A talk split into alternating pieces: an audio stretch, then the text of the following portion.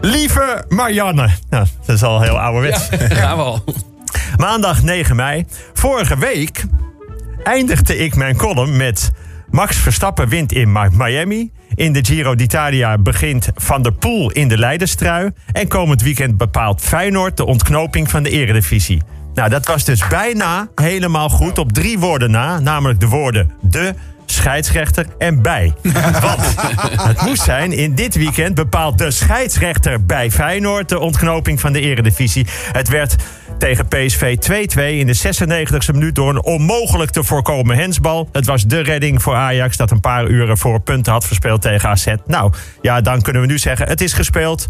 Door deze uitslag is de kans groot dat Ajax woensdagavond... gewoon met 5-0 wint van Herenveen en voor de 36e keer landskampioen wordt. Daar hoef je geen groot voorspeller voor te zijn.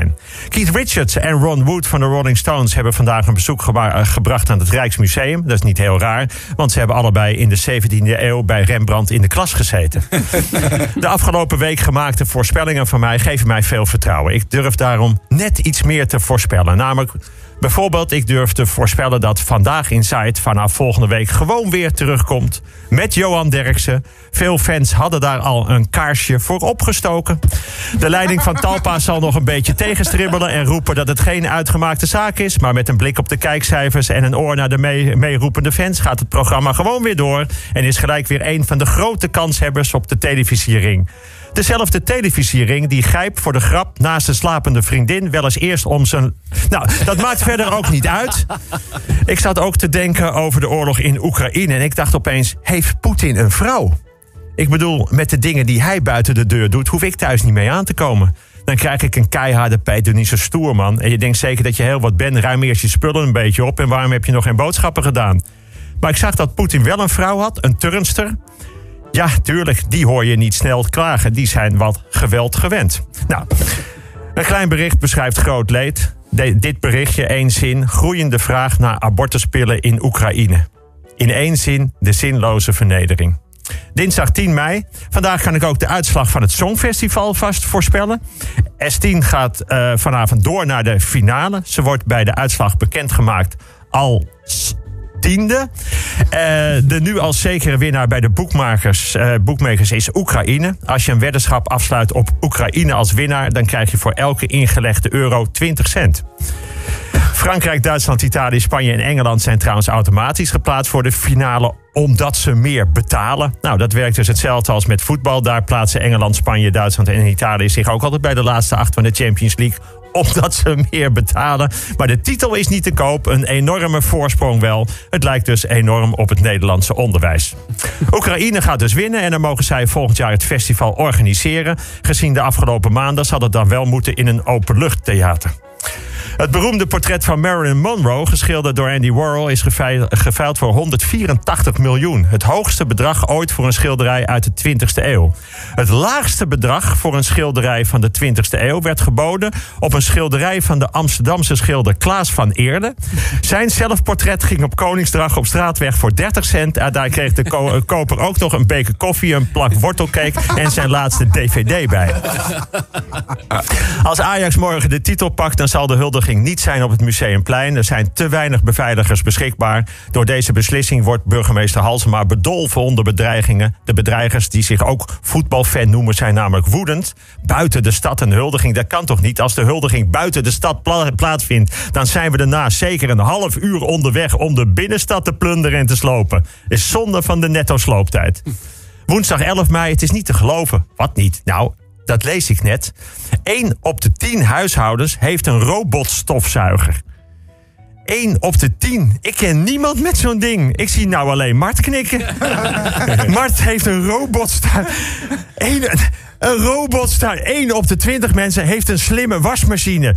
Die kun je met een app van een afstand aanzetten. Dan kun je dus eerst alle was sorteren, het in de machine doen, naar buiten lopen en je wasmachine aanzetten.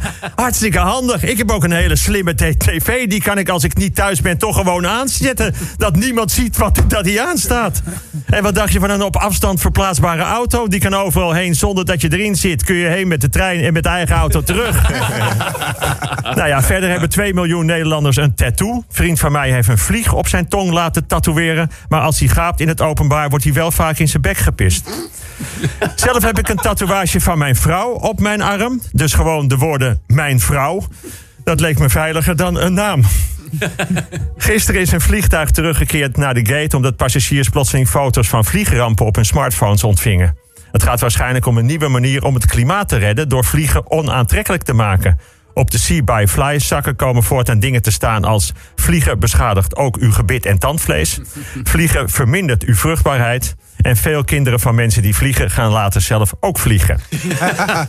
Donderdag 12 mei. Ajax heeft met 5-0 gewonnen van Herenveen. Is voor de 36e keer kampioen van Nederland. Het pak schaal van Dusan Tadic is bewaarheid geworden. Fans vierden het feest de hele dag in de stad. En ook de spelers en de technische staf waren uitzinnig van vreugde en trots. Ze zijn zo trots dat meer dan de helft volgend jaar naar een andere club gaat.